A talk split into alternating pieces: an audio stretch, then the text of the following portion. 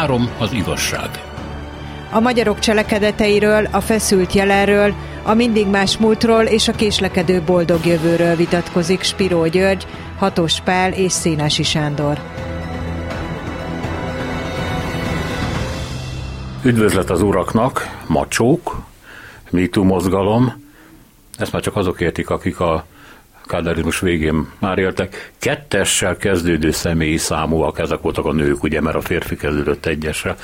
Hát világos, hogy miről szeretnénk beszélni ebben a mai beszélgetésben. Én annyit tudok elmondani a saját buborékomról, amiben egy olyan újsági társadalomban, a Magyar Rádióban fölnőttem, hogy amikor előkerültek Magyarországon is a mítús ügyek, akkor én ezt őszinte csodálkozással néztem, mert ott abban a közegben ez nem volt divat, nem volt szereposztó divány, nem azért vettek föl egy tehetséges lányt, mert lefeküdt a főnökkel, e, és hát egyáltalán, ezt a Gyuri is meg tudja említeni, te is dolgoztál a Magyar Rádióban, nagyon erős és karakteres nők dolgoztak ott, szeretném én látni egy utólag is, hogy bárki pimaszkodni mert volna velük. De ha belegondolok, akkor az egyik leghíresebb riporteri szerkesztő hogy hívta ezeket a nőket? Nyuszikám erre pucikám, és akkor a, megsimogatta, megfogta a haját, vagy éppen rávert a fenekére, és ezt hozzá kell tennem, hogy ezt a nők nem utasították vissza. És utólag azt gondolom, hogy mint egy picit férfi agyuk lett volna abban az időben, átvették volna azt, amit a férfiak gondolnak a nőkről, és a nők is azt gondolták a saját női szerepükről, hogy ez benne van a pakliban. Mi ma ugye elképzelhetetlen. Tehát, hogy ez a, ez a fajta patriarkális vagy éppen macsó viszony, ez nagyon komolyan áthatotta a kádárkori társadalmat is, meg gondolom korábban is. Most is elég erősen jelen van. Mit gondoltak erről? Igen, e, engem mindig e, meglepett, amikor e, azt firtatták, hogy milyen az én nőszemléletem, mármint a műveimben, mert, mert egyébként semmi közük hozzá. És nem értettem a kérdést és akkor ö, ö, ö, némely sikeresebb műveim után azt mondták, hogy jaj, hát te hogy utálod a nőket. Na most én ezzel nem győztem ö, ö, álmélkodni, mert ö, mindegyik korai művemben hihetetlenül érdekes és izgalmas női szereplők voltak, csak ezt nem vették észre. És én azzal válaszoltam mindig, hogy hát nézzék meg, hogy Shakespeare-nek milyen a nő szemlélete és erre néztek rám bambán, ugyanis nem volt neki. Shakespeare-nél kimutathatóan a nők és a férfiak azonos szellemi színvonalon beszélnek, és nem azért, mert fiúk játszották a női szerepeket, mert nő nem léphetett a színpadra, hanem mert a Shakespeare embernek ábrázolta a férfiakat és a nőt, nőket egyaránt, tehát ott nem volt semmiféle megkülönböztetés, hogy a férfiak okosabbak, vagy, vagy rátermettebbek bármiben, mint a nők. Nem létezett ilyesmi, és valószínűleg azért nem létezett a Shakespeare-i színpadon ilyesmi, mert az életben sem létezett ilyesmi.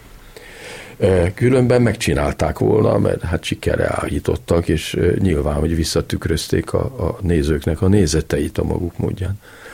Tehát ez egy modern dolog, hogy a férfiakat és a nőket valamilyen módon hierarchiába próbálják állítani, és hogy a férfiak azok értékesebb lennének. Na most az ókorban ugye, ezt már egyszer mondtam, és nagyon fontosnak tartom, hogy voltak társadalmak, amelyekben a, a lány csecsemőket kitették, mert nem tartották értékesnek, és volt egy-két olyan vallás, amelyben a lányokat nem tették ki, hanem fölnevelték. Ezek voltak a zsidók és a keresztények. És a, a kereszténységnek az elterjedéséhez nagy mértékben hozzájárult, hogy emiatt termékenyebbek voltak a keresztény családok, mint a nem keresztények, mint a pogányok, akik kitették a lányokat. Ugye Kínában, még a 20. században is úgy döntöttek, hogy hát a lányok azok nem elég értékesek, és nem kell őket feltétlenül megtartani, meg hogy egy gyerek elég, meg és akkor ugye arra törekedtek, hogy az fiú legyen az a gyerek. Most ezek a társadalmak tönkre szoktak menni. Azok a társadalmak, amelyekben egyenjogúak a férfiak, és legalábbis az életesélyeiket tekintve, azok pedig győzedelmeskedni szoktak. A modern világnak tulajdonképpen egy gazdasági alapú elmebaja, amikor a nőket kevésbé értékesnek tekintették. Ehhez kellett az, hogy az ipari társadalmak kialakulásakor a női munkaerő kevesebbet érje, mint a férfi, mert fizikailag kevesebbet bír, és ez aztán a, választójogi küzdelmekben is elég sokáig megmutatkozott, egészen a szüfrazsettekig, de ebbe majd később nyilván bele fogunk menni. Ez egy mesterkélt és szerintem a lényegről elvívő szemléleti kérdés, és az, hogy egyes vagy kettes, a, a mai, mai, mai napig így van a személyszám, hát a személyszám az szerepel, a mai napig létezik, csak nem feltétlenül mindig kérik el tőlünk, és egyessel kezdődnek a férfiak, és kettessel a nők, de teljesen mindegy, teljesen mindegy, mert kettessel kezdődhetnének a férfiak, és egyessel a nők, azzal a kérdést nem lenne megoldva. Hát ez egy nehéz probléma, és egyébként abban a világban, ahol élek, a tudományos világban, ott, ott ez egy, hogy is mondjam, egy forró probléma. Tehát, hogy nem régiben olvastam egy kolléganőnek a, a bejegyzését a Facebookon, aki arról beszélt, hogy számára a történelm az az öntelt férfiak nagy lelkesedéssel írt ö, narratívája, és ha belegondolok, igaza is van. És felveti a kérdést, hogy, hogy egyáltalában férfiak beszélhetnek-e úgy, hogy nők nincsenek jelen, férfi-női viszonyról, ennek a történetiségéről. Én szerintem igen. Méghozzá két feltétel teljesítése mellett. Az egyik az, hogy, hogy a, a beszéd szabadságát, a vélemény szabadságát ne kössük különböző feltételek bekövetkeztéhez. A másik meg az, hogy a férfi szempont esendőségével, vagy bármifajta vélemény nyilvánítás, vagy bármifajta ideológiai álláspont kifejezésének az esendőségével, vagyis hogy ideglenességével, cáfolhatóságával kell számolni. De én is azt gondolom, hogy hogy az identitáspolitika és emancipáció minden jogossága és legitimitása mellett elvezethet oda, hogy igen, Shakespeare kiről beszélt? Nőkről, férfiakról, vagy emberekről. Tehát, hogy az, a közös emberi lényeg megmaradhat-e, ha, ha, ha az emancipáció küzdelme ö, lefoglalja az energiát, és ennek az intézményes biztosítékainak a, a, a megteremtése, mert bizonyos értelemben ilyen dolgok zajlanak. Ö, körülöttünk, és, és jó is, hogy zajlanak. Tehát, hogy igen, amit mondtál Sándor, az, hogy egy olyan gyakorlatban nőttél föl, ahol nem volt, nem volt divat a visszaélés. Ugyanakkor Ugyanakkor volt ennek intézményes biztosítéka. Ma azt gondoljuk, hogy nagyobb intézményes biztosítéka van a visszaélések elkerülésének. De mi van a kiszolgáltatott férfiakkal? Van-e olyan például, hogy, hogy, hogy, hogy a családon belüli erőszaknak mondjuk férfiak az áldozatai? ugye Ransburg Jenő erről többször beszélt, és, és ez, ez egy, szintén egy elrejtett valóság. Én közelről láttam ilyen típusú problémákat is, és, és éppen ezért, éppen ezért szerintem az eddigi legnehezebb témáink egyike, hogy machoizmusról, mitú mozgalomról beszéljünk, mert kitagadná eznek a mozgalomnak a jogosságát, a szükségességét, ugyanakkor azt is, hogy, hogy milyen veszélyeket rejthet magában, ha, ha bármifajta emancipációs mozgalmat abszolutizálunk.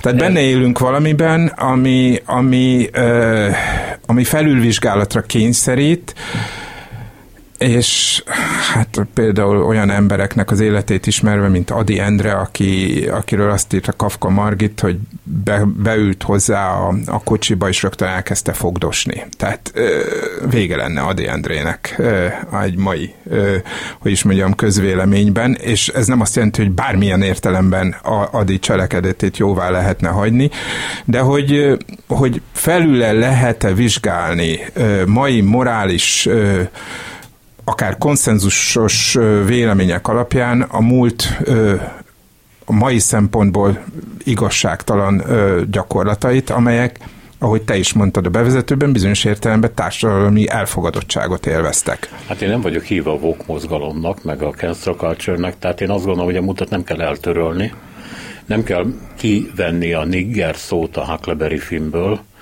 hanem ott kell hagyni, ahol van, és legfeljebb meg kell magyarázni. Hát ez a tiszta liberális Igen. álláspont. Mert, mert a VOK mozgalom, ha ezt megteszi, átírja a múltat, saját magát szünteti meg, mert mi ellen harcol, hogyha a múlt nem is olyan csúnya, mert már átírta. Tehát jó, ez csak az én véleményem. Gyuri? Igen, Tamás Gáspár Miklós írta le két-három évvel ezelőtt, hogy a mai osztályharc az áttolódott a MeToo mozgalomra. Na most e, ezzel én nem értek egyet természetesen.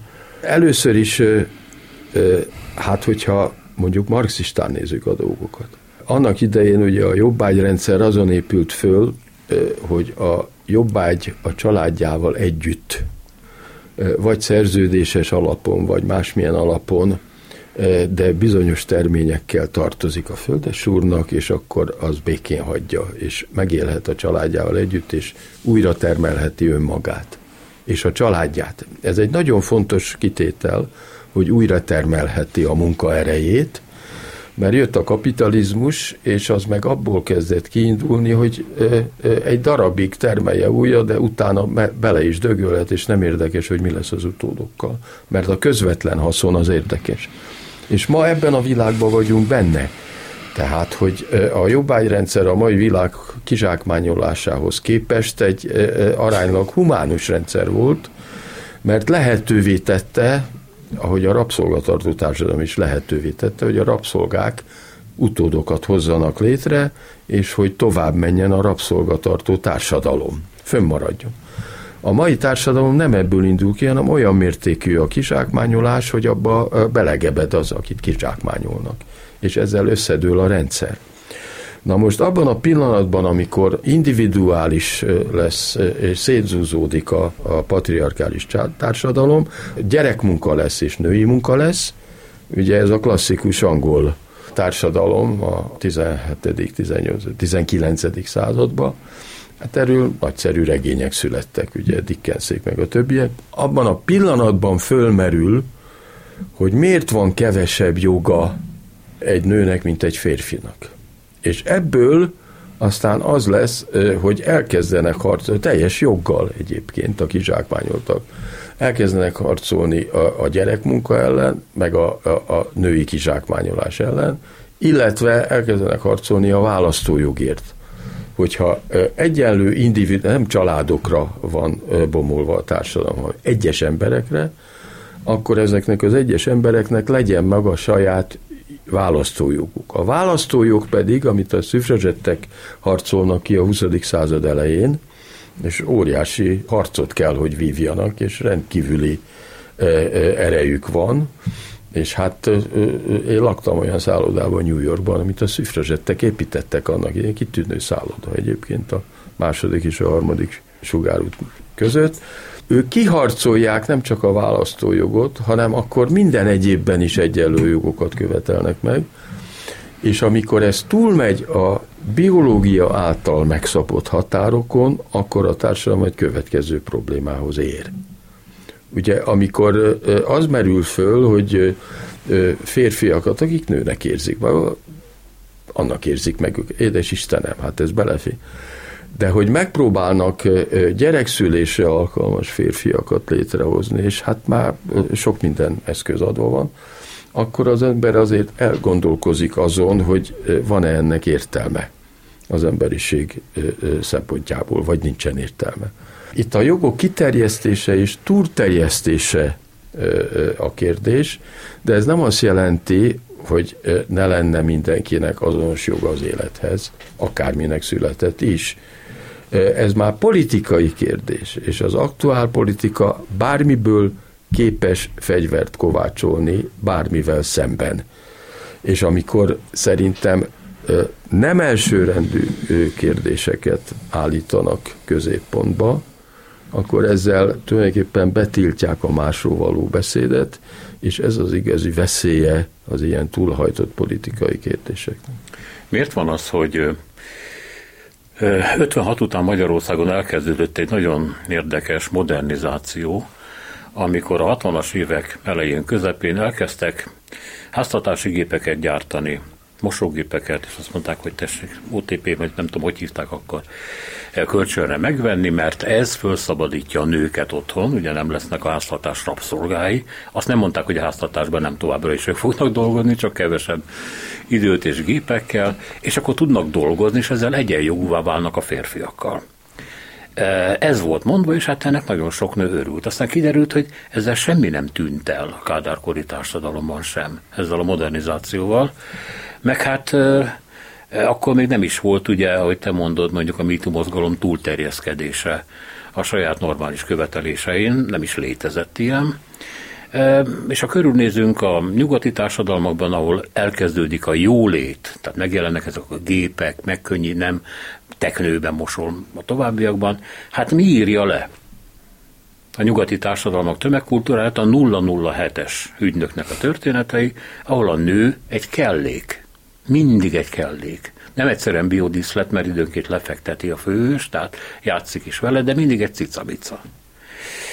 És érdekes módon ez a fajta modernizáció nem segített ezen az ügyen.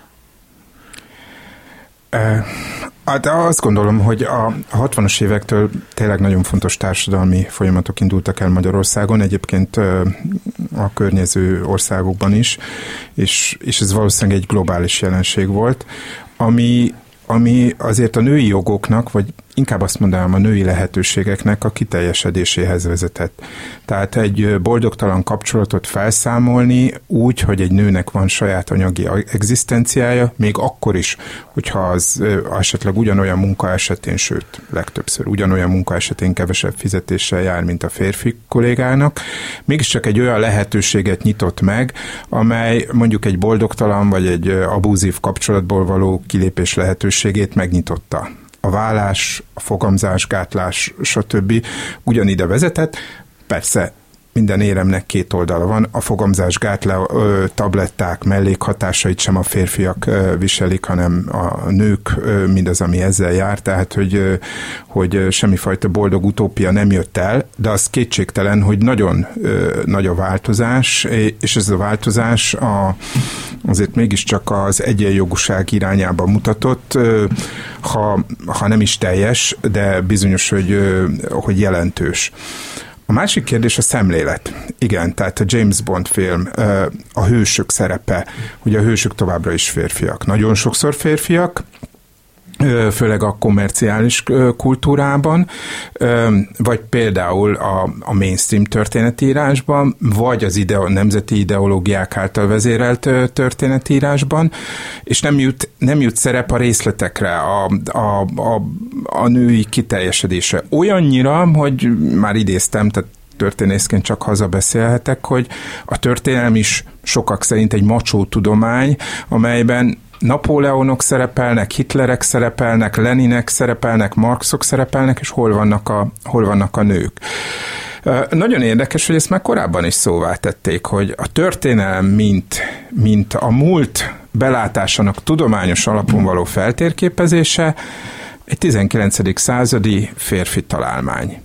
És ezzel szemben a mitológia, a mitológikus világnézet, sokkal nagyobb szerepet nyújtott a nőknek. Lefordították magyarra is egy svájci bázeli tudósnak, bizonyos Bachhofennek a, a Mutterrechtről, az anyajogról szóló nagyon-nagyon érdekes művét, ezt ő 1861-ben publikálta, tehát 160 éve, ami igazából arról beszél, hogy az emberi történelmet, az írott történelmet, a modern történelmet, amikor egy ilyen racionális, hatalmi irányba állt, igazából az anyák, a nők irányították, és, és ez, egy, ez egy olyasfajta fázisa volt az emberi válásnak, amelyben sokkal több tér nyílott a, a, a kibontakozásra, és hát az a nagyon érdekes, hogy ezt egy svájci patrícius, egy férfi írta, egy gazdag ember, aki meg tudta engedni magának, hogy nem vesz részt a német történetírás birodalomépítő tevékenységében, aki elutasította, mert viszolygott a német nacionalizmus öntelt kiteljesedésétől, amit tudjuk is, hogy hová vezetett. Tehát ez egy konzervatív, vallásos bírálata volt a történetírásnak.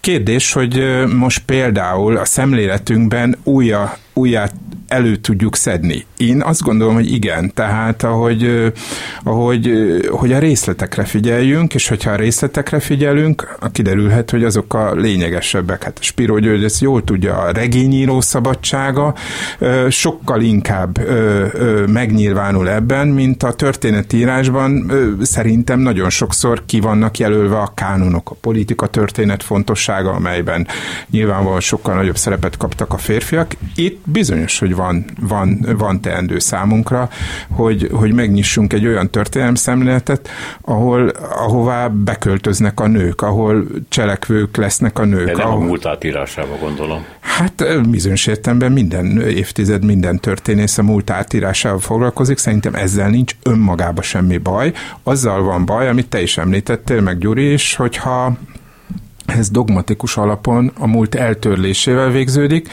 vagy hogyha minden lehetségest megpróbálunk megvalósítani, és nincs bennünk önkorlátozás olyan dolgokkal, amit esetleg a technológia, a technika meg tud valósítani, de nem feltétlenül érdeke a társadalmi együttélésnek, vagy a, a társadalmi összhangnak. Három az igazság. Macsók, MeToo mozgalom, nőkérdés, ha egyáltalán ez a föl, kérdés föltehető, tehát a magyar társadalom és a női jogok, a magyar társadalom gondolkodása a nőkről. Erről beszélgetünk Spiro Györgyel és Hatos Pállal. Spiro György, ha... Igen, vannak gyakorlati kérdések. Az egyik ilyen, hogy ha már az egyenlő választójogot kiharcolták, akkor azért az egyenlő munkáért egyenlő bérezést is ki kéne tudni harcolni, ez Magyarországon nincs így. A nők kevesebbet keresnek, minden kimutatásban, ugyanazért a munkáért.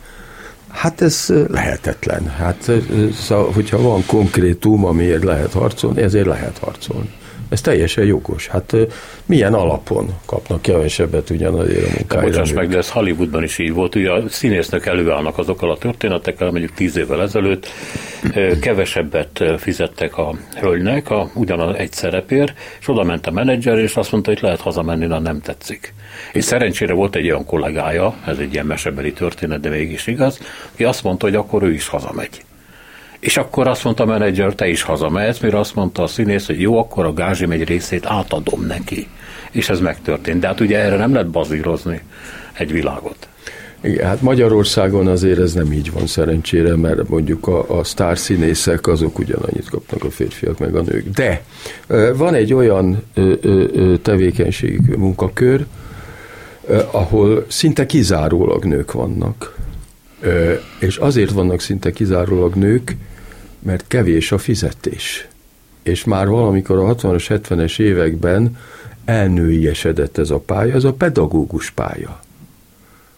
Azért nem mentek férfiak, mert abból nem tudták a családot föntartani. Úgy is tekintették egyébként, amikor a nőknek kevesebb fizetést adtak meg a pedagógusoknak, hogy hát ez úgyis női pálya, tehát nem kell őket megfizetni, mert majd a férjük eltartja őket ez egy hihetetlen, ez, ez mondjuk korrupció, hát ez, ez egy állami korrupció tulajdonképpen. Na most teljesen mindegy szerintem, hogy nők vagy férfiak tanítanak, csak ez egy érdekes jelenség, illetve nem biztos, hogy teljesen mindegy, mert hát ezt a nevelés pedagógusok tudják igazán megmondani, én nem tudom megmondani, de azért a férfi példa amelyik kamaszkorban, kis kamaszkorban nagyon-nagyon fontos, a számít, hogy férfi példakép is legyen, és ne csak női példakép. Semmi baj nincs azzal, hogyha női példakép van, csak éppen mégiscsak van egy ilyen eltolódás. Na most van egy másik nagyon érdekes eltolódás, ami végigvonul a magyar művelődés történeten. Amióta Magyarországon olvasók vannak, tehát a 18. század vége óta létezik ugye a modern magyar irodalom, azóta az olvasók 80-90 százaléka nő. Így is kezdődik egyébként a magyar modern irodalom, hogy a nő olvasóknak ajánlja a Fanni hagyomány regényét, az első regényíró, és nem a férfiaknak, mert a férfiak hagyományosan már akkor se olvastak, és azóta se olvasnak. Tehát ma is, hogyha megnézzük a kimutatásokat, akkor a nők 90-80 százalékát teszik ki az olvasó közönségnek. Tehát én elsősorban nőknek írom a műveimet, főleg a regényeimet, ugye, mert ők olvassák, a férfiak nem olvasnak. Most már senki se olvas, ez, ez egy másik kérdés, de mondjuk eddig ez volt a helyzet. Tehát, hogy ennek mi az oka? Ez egy nagyon érdekes kérdés, nem tudom, hogy ezzel foglalkoztak-e. Én úgy külön nem foglalkoztam vele, de azért a kisanyagban biztos benne van, hogy kiknek írok, és, mi, és mit írok, és valószínűleg befolyásolja a tudat, tudatomat, az írói tudatomat, hogy kik fogják elolvasni.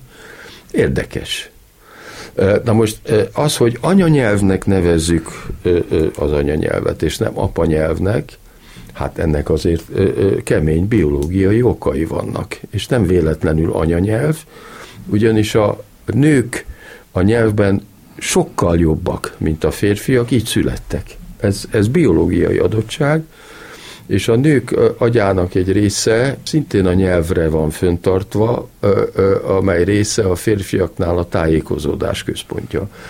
Tehát itt van egy ilyen biológiai adottság, valamiért kialakult valamikor, és jó volt, hogy kialakult, mert így élte túl az emberiség. Az, hogy a nők tovább élnek hagyományosan, ugye jellemzően, mint a férfiak, mert a nagymamákra nagyobb szükség van, mint a nagypapákra.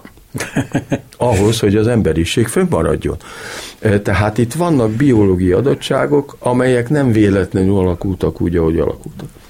Ezt csak azért mondom, mert érdemes vizsgálni, és az, hogy egyenlő munkáj, egyenlő bérezés, az igenis ki kellene harcolni a társadalomnak. Na most a MeToo mozgalomról, ugye a visszaélés az elsősorban politikai. És nem is az, hogy az egyetemeken milyen őrületek történnek, hogy mit szabad és mit nem szabad mondani, és emiatt derék egyetemi tanárokat kirúgnak, amikor óvatlanul valamilyen fogalmat használnak. A politikára közvetlenül hat Amerikába, nálunk nem, de Amerikában igen. Ugye volt a járvány, és a járványt New York állam nagyon jól kezelte ott volt a legnagyobb New York városban, és New York államban volt a legnagyobb a járvány, de a Cuomo nevezetű demokrata kormányzója a New York államnak nagyon jól ö, ö, működött, egészen addig, amíg meg nem furták maguk a demokraták, természetesen. Hát végül is ugye lehetett volna elnök jelölt belőle, és ezt nem akarták, mert túl tehetségesnek bizonyult, és megfurták azzal, hogy valamilyen választási gyűlésen illetlenül szólt egy nőhöz. És ezzel meg lehetett buktatni. Semmi, valami hülyéskedés volt, semmi, semmi nem történt. Semmilyen erőszak sem. Mindegy, ezzel meg lehet buktatni embereket Amerikába, és hát minden eszköz jó, hogy a tehetséges embereket megbuktassák ott is.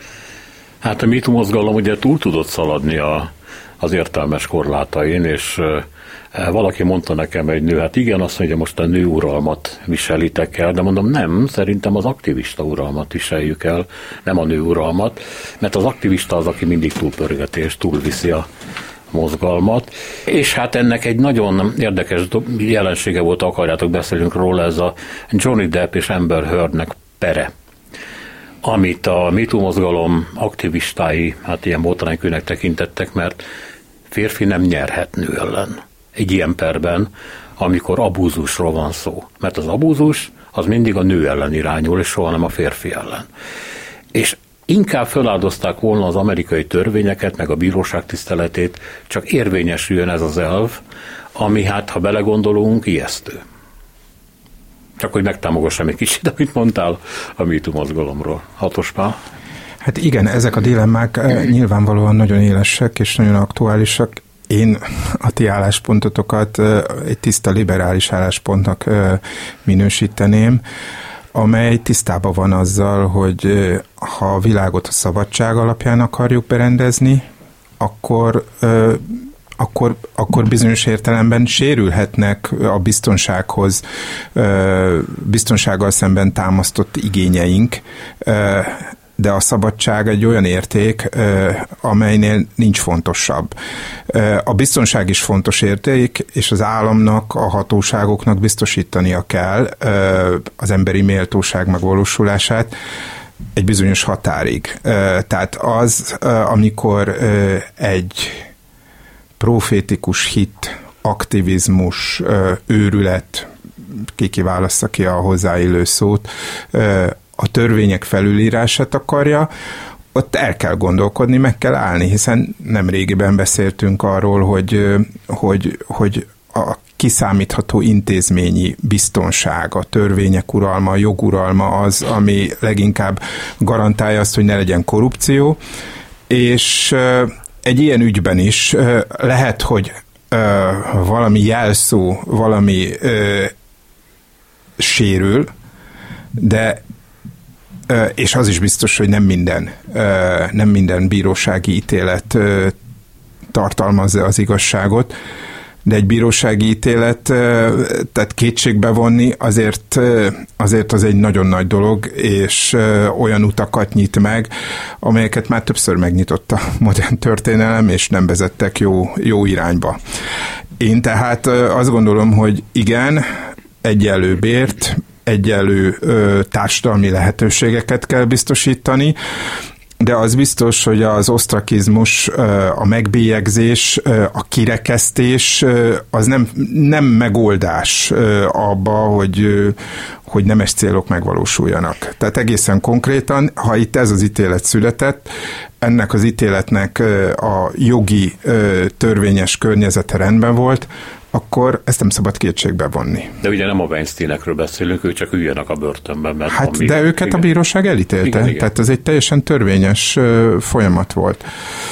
Igen, hát kérdés, hogy a bíróság mennyire eh, képes eh, egy bizonyos közhangulat nyomása alatt igazságosan, amennyire igazságosan működni, mert hát annak idején az amerikai, eh, Amerika ellenes tevékenységet vizsgáló bizottság is mindenféle jogi döntéseket hozott, és aztán ezek elég kínosak voltak. És hát most is van ilyen nyomás, de tehát az úgynevezett közhangulatnak, vagy közvéleménynek, amiről nem tudom, hogy micsoda. Hát az a sajtó. Nyomására szoktak hozni olyan döntéseket, azt hiszem, hogy Pali is erről beszélt, eh, amelyek eh, nem állják ki a szorosabb vizsgálatnak. Bocsánat, a, a közösségi médiát tedd oda a média mellé, mert az nem, nem újságírók csinálják, nem pénzért csinálják, de a legnagyobb hatóerő most szerintem. Mindegy, bocsánat. Hát nem tudom, hogy nálunk mekkora hatóerő, fogalmam nincs róla, hát, nem tudom, nincs erre mérés, azt hiszem. Én amellett vagyok, hogy minden állítást, amennyiben van ellenállítás, akkor lehessen bíróság előtt vizsgálni. És Magyarországon ez nem szokott megtörténni. Éppen ezekben a, a, a, az úgynevezett mitú ügyekben nem történik meg. Én annak idején, amikor az egyik barátom ellen fölmerült egy ilyen vád, és tulajdonképpen ugyan beteg volt már, de bele is halt, én akkor azt mondtam, hogy bíróság előtt kéne meg, meg, megvizsgálni az ügyet. Ugyanis, hogy az állításnak valós-e a tartalma, de nem vizsgálták meg. Valószínűleg a felkért védő azt mondta, hogy reménytelen. És hogyha egy jogász azt mondja, egy ügyvéd azt mondja, hogy reménytelen, akkor arra hivatkozik, hogy a közhangulat éppen megváltozott. De a közhangulat hogyan tud beleavatkozni a tárgyalásba? Szóval ez egy nagyon kegyetlen kérdés, és életek mehetnek rá. arra utalsz, hogy a magyar színház életen végig söpörtek ezek a botrányok, és nem lett Nem söpört semmi. végig, hát volt két ember, akit kipécéztek összesen. Tehát végig söprésről szó nincsen. Uh-huh. Szó nincsen. De hát azokból se lett igazából semmi. Tehát... Hát de, az egyik vádlott meghalt, a másik vádlott pedig nem dolgozhat. Hát azért, hogy, hogy ebből nem lehetségesek perek. Én amellett lennék, hogy akkor tessék bíróság előtt pro és kontra bizonyítani. Közben nekem eszembe jutott. Én pont igen. erről beszélek, tehát, hogy igen, tehát, hogy a, a, a MeToo hívei azt állítják, hogy nehéz ilyen dolgokat a bíróság elé vinni, hiszen maguk a bíróságok is fertőzöttek, előítéletesek, vagy a hatóságok is. Viszont pontosan a visszaélések, egyéni tragédiák, ártatlanoknak esetlegesen kétségbeesésbe, vagy, vagy akár tehát a kirekesztés ott van ellenpéldaként. A liberális álláspont azt mondja, az intézményekbe bízzunk meg, akkor is, ha tudjuk, hogy nem minden esetben ítélik el és találják meg a bűnöst, de soha nem lehet lincs hangulattal megoldani egy igazságigényt. Tehát egy igazságszolgáltatás nem történhet népítélettel, jelen esetben a közvélemény nyomásával, sajtónyomással, mindazt, amit emlegettél, ebbe bele kell nyugodni. Ezt el kell fogadni akkor is, hogyha bűnösök megszökhetnek méltó büntetés elől, de az mindennél fontosabb, hogy ártatlanok ne szenvedjenek. És bizonyítatlanul ne következzen be, kirekesztés, munkaelvesztése, társadalmi, bármifajta családra kiható ö, ö, megbélyegzés. Ez egyfajta kompromisszum, de ismétlem, tehát, hogy a lincs hangulat, a népítélet soha nem tudott igazságot teremteni. Csak hogy akkor zárjuk is le, mert nem akarom én a MeToo mozgalmat itt, hogy mondjam, túl szerepeltetni, de nekem volt egy olyan benyomásom, de ezt mondjuk Obama elnök fogalmazta meg a legjobban a Black Lives Matter mozgalom túlszaladásaival kapcsolatban, hogy ő úgy érzékeli, hogy itt már a fehér ember gyűlöletéről van szó. És a MeToo mozgalom esetében meg egyfajta férfi ellenességet lehetett előbb-utóbb fölfedezni, ami hát nagyon furcsa módon képezte le a korábbi nő ellenességét a macsó férfi társadalomnak. Tehát mintha egymástól tanulták volna el a rosszat. De lehet, hogy nincs igazam, ez csak az én érzésem. Én messze menően átélem és megértem azoknak az érzelmeit és azoknak a sérüléseit, akiket valami valódi inzultus ért. Annyira, hogy 1987-ben megjelent az első novellás kötetem, és abban volt egy novella, amelyik beszámol arról, hogy én majdnem belehaltam egy ilyen inzultusba. Senki nem veszi komolyan, pedig hát szemmel látható, hogy önéletrajzi novellák vannak benne, senkit nem érdekelt. De nem igaz az, hogy ezek az esetek az irodalomban nem jelentek meg, mert én vagyok az egyik, aki megírta. Természetesen semmiféle következménye nem lett a dolognak, nekem valószínűleg segített túlélni. És nagyon súlyos esetet írtam le, ami velem történt meg, és majdnem belehaltam. Tehát én megértem, hogyha valakit a nemiségében megbántanak, az milyen súlyos következményekhez vezethet. De akkor is tessék akkor még nem volt jogállam. Tehát amikor engem ez ért 1964-ben, akkor hát szó nem lehetett arról, hogy bármit bíróság elé vinni.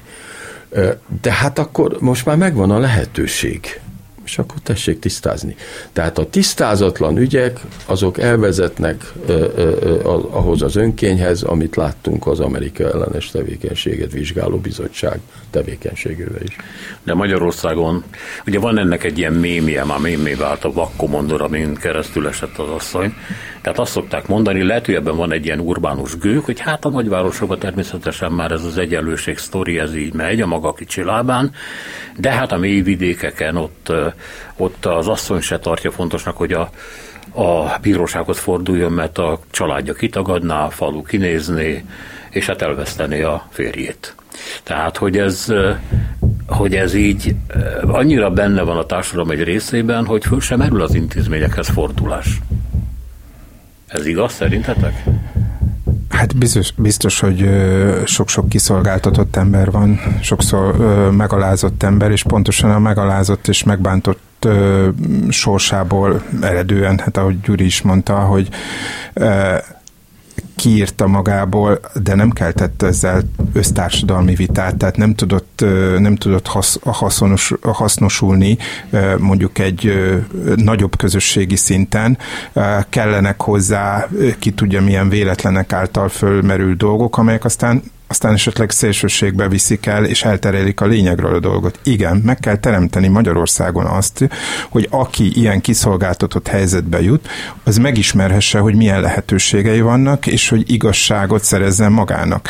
Ez egy nagyon jogos és továbbra is jogos emancipációs követelés, hogy ne csak Budapesten legyen elérhető a, az igazság tétel iránti igény, hanem, hanem a legkisebb faluban is, illetve hát a legszegényebb, legkiszolgáltatottabb környezetben is. Ez teljesen helyén való.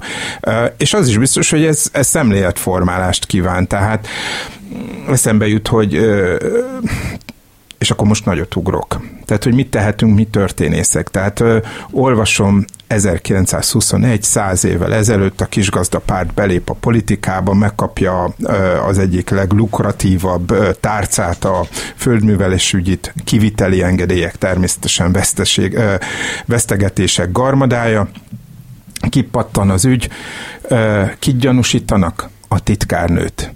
A titkárnőt, és akkor Debrecenben is azt írják, hogy könnyűvérű kurvák kezébe került az államigazgatás. És nem a minisztert, akit meg kell védeni, és mindent meg is tesznek a védelmért, azóta is szobra van.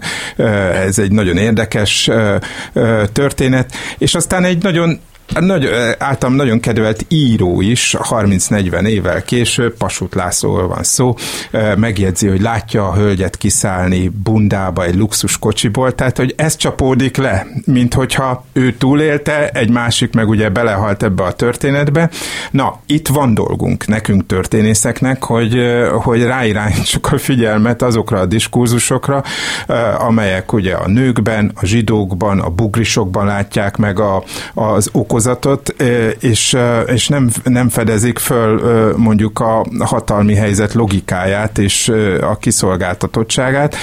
Hát ez a bűnbakképzés örök, örök, és úgy tűnik, hogy megszünthetetlen törvénye.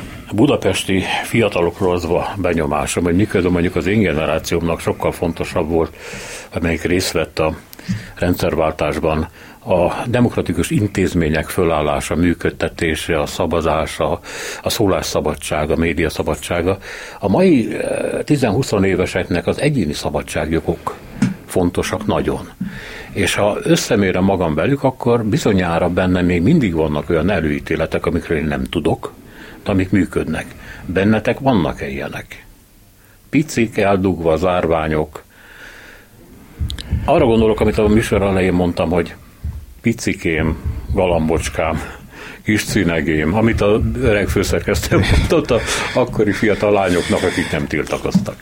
Én Gyurival azért szeretek beszélni, meg főleg azért szeretem olvasni, mert ő levetkőzteti az emberi természetet, és megmutatja azt ö, hideg tárgyalagossággal, hogy, hogy kik vagyunk. Ezek az előítéletek itt vannak bennünk. Ezt az egy másik kérdés, hogy mennyire nem akarjuk ezeket beismerni, és pontosan a szélsőségeket, ezeket a vadhajtásokat az igazságtevésben pont azok tudják táplálni, hogy ez a beismerés hiánya elmarad, hogy nem szembesülünk azokkal a történetekkel, amelyek egyébként meg vannak írva, és amelyek evokatívan hát szembesítenek azzal, hogy kik vagyunk, mik vagyunk.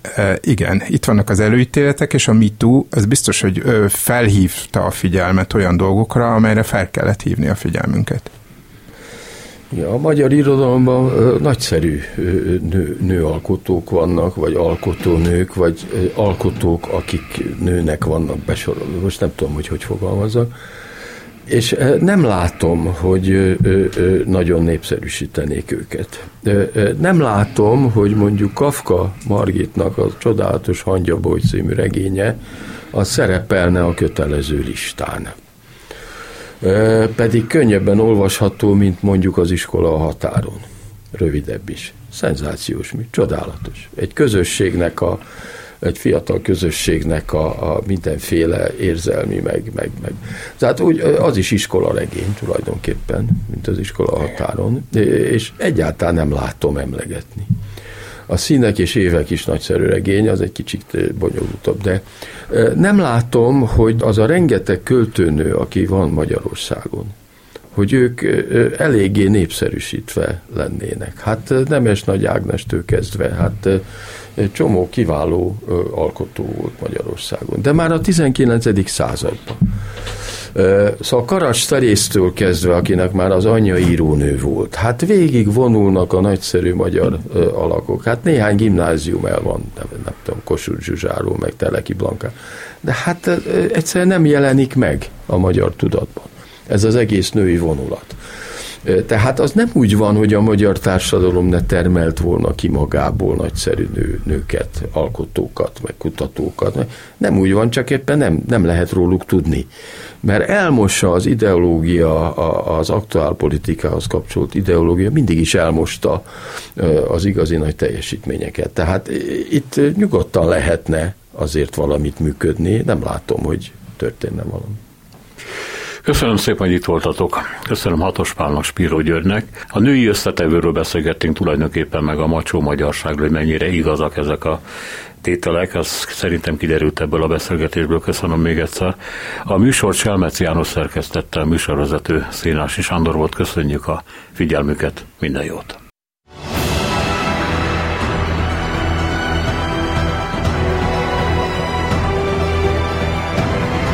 Három az igazság. Szénási Sándor műsorát hallották.